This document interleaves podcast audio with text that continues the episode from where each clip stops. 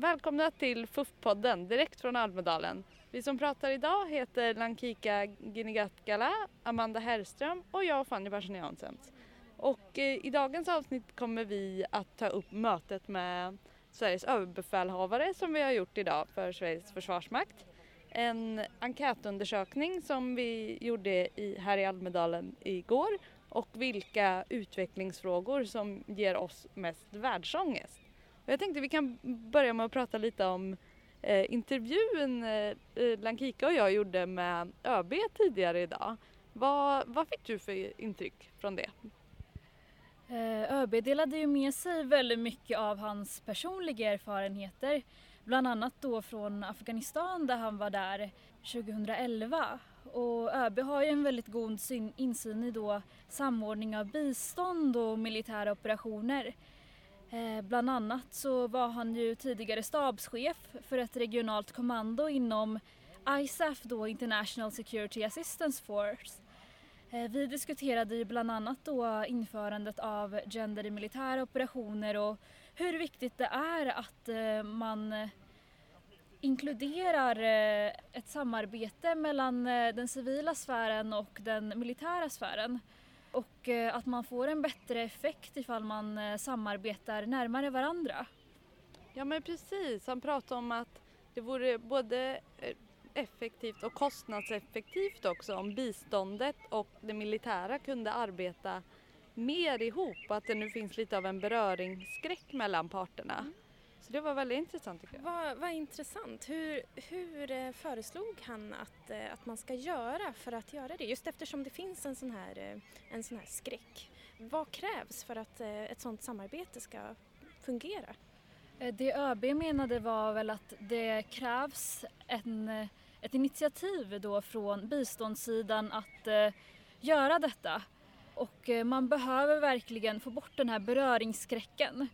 Eftersom det är väldigt viktigt ur eh, säkerhetsaspekter att eh, man har en god samverkan mellan det civila och det militära för att man ska få en bra, en bra effekt av insatser eh, på båda sidorna. Ja men precis. Sen pratar vi ju mycket om gender som de säger i Försvarsmakten, använder de ju det ordet. Vad tyckte du om hans när han pratade om det och fick frågan? Vad fick du för intryck av hur han tänkte kring det. ÖB har ju en väldigt god, god insyn i just gender och, och vi diskuterade lite om eh, FNs säkerhetsresolution eh, 1325 då som handlar om just kvinnor, fred och säkerhet. Vi talade bland annat om eh, att eh, Försvarsmakten implementerar detta i samband med eh, den eh, svenska lagstiftningen och eh, Försvarsmaktens egna värdegrund.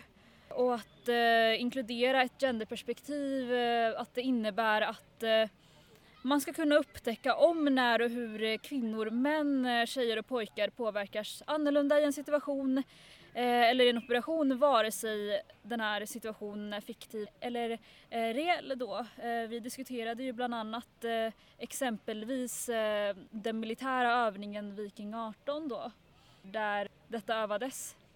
Jag tänker att, eh, att just det här samarbetet då med, med biståndssidan, att det också kan vara ett sätt att, att integrera gender eftersom det är någonting som man har arbetat mycket med.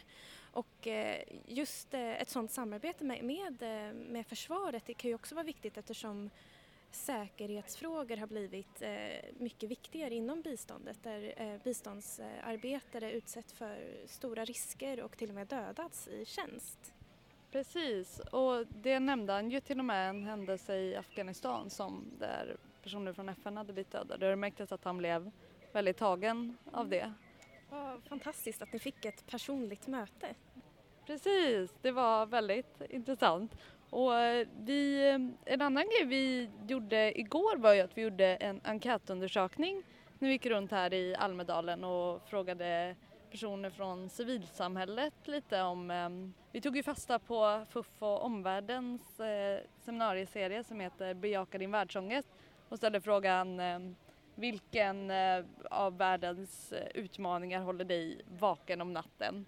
Jag eh, tyckte det var jättekul att gå runt och att vi fick med så många olika perspektiv. Vi fick bland annat eh, prata med en från JAG som är en organisation eh, för funktionsnedsattas rättigheter och eh, fältbiologerna och så den jag tänkte lite extra på var igår, vi pratade med en Johan från Röda Korset och han tog upp det här nu och frågade vad han, ja, men vad han kan få världsångest av och så, att han pratade om retoriken i samhället och hur den har förändrats tyckte han.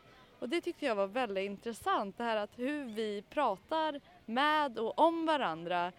Ja men det har skett något där och han var orolig för den utvecklingen och jag känner, jag delar nog den, den ja, vad, Ja, jag håller, jag håller med. Han satte verkligen ord på, på vad jag känner världsångest kring. Eh, just den här förändringen i retoriken och eh, eh att man har gått från eh, den, eh, den, solidaritet och givmildhet som har eh, skildrat Sverige under en längre tid.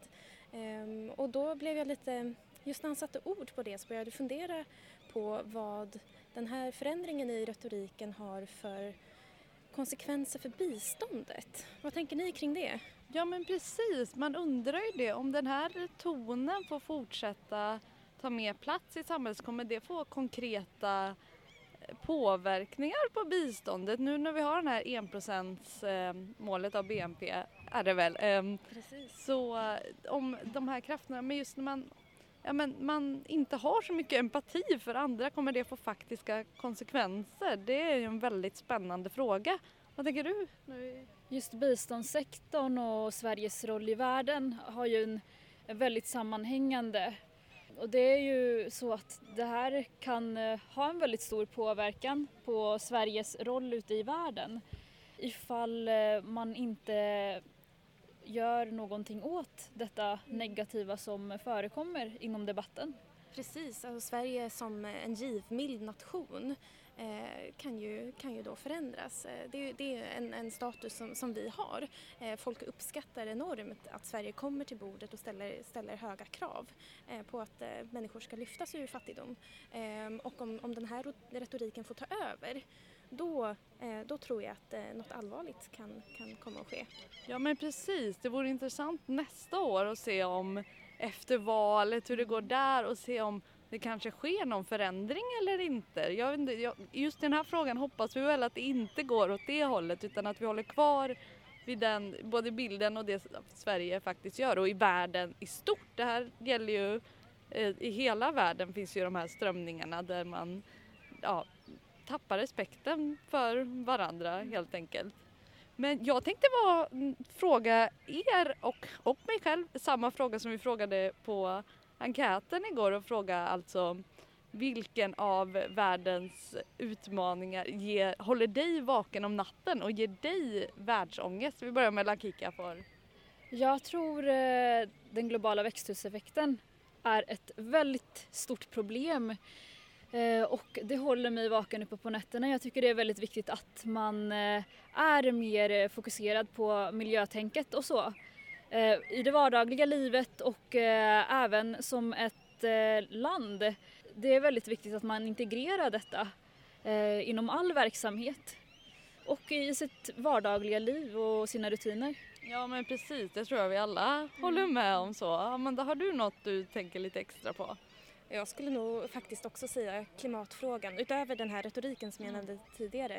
Eh, det är ju någonting som är, eh, som är avgörande faktiskt. Men eh, utöver, utöver klimatet och retoriken kanske skulle jag också säga eh, att utbildning som en utvecklingsfråga hamnat i skymundan. Den har kommit upp mer och mer nu på senaste tiden. Men i min åsikt så, så ligger det grunden till att man ska förändra retoriken, att man ska arbeta mer med klimatet och faktiskt ta sig ur de här svåra situationerna.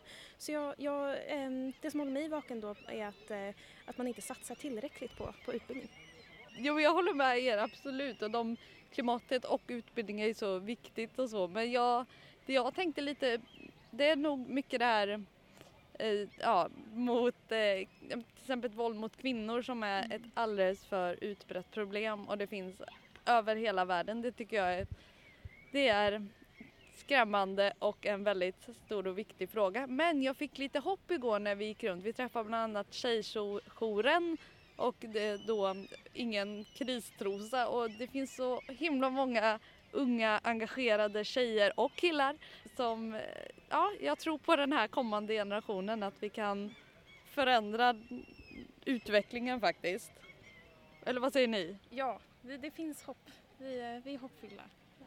Självklart finns det hopp och, och det, det gäller verkligen att eh, ta initiativet och eh, göra saker för att eh, kvinnor ska inkluderas på alla nivåer. Precis. Och då säger vi tack för att ni har lyssnat på FUF-podden. Gå in på fuf.se för att se allt vårt material härifrån Almedalen. Och glöm inte följa biståndsdebatten på Facebook och Twitter. Imorgon kommer ett eh, nytt avsnitt från oss i Almedalen. Missa inte det. Tack så mycket! Tack så mycket! Tack, tack!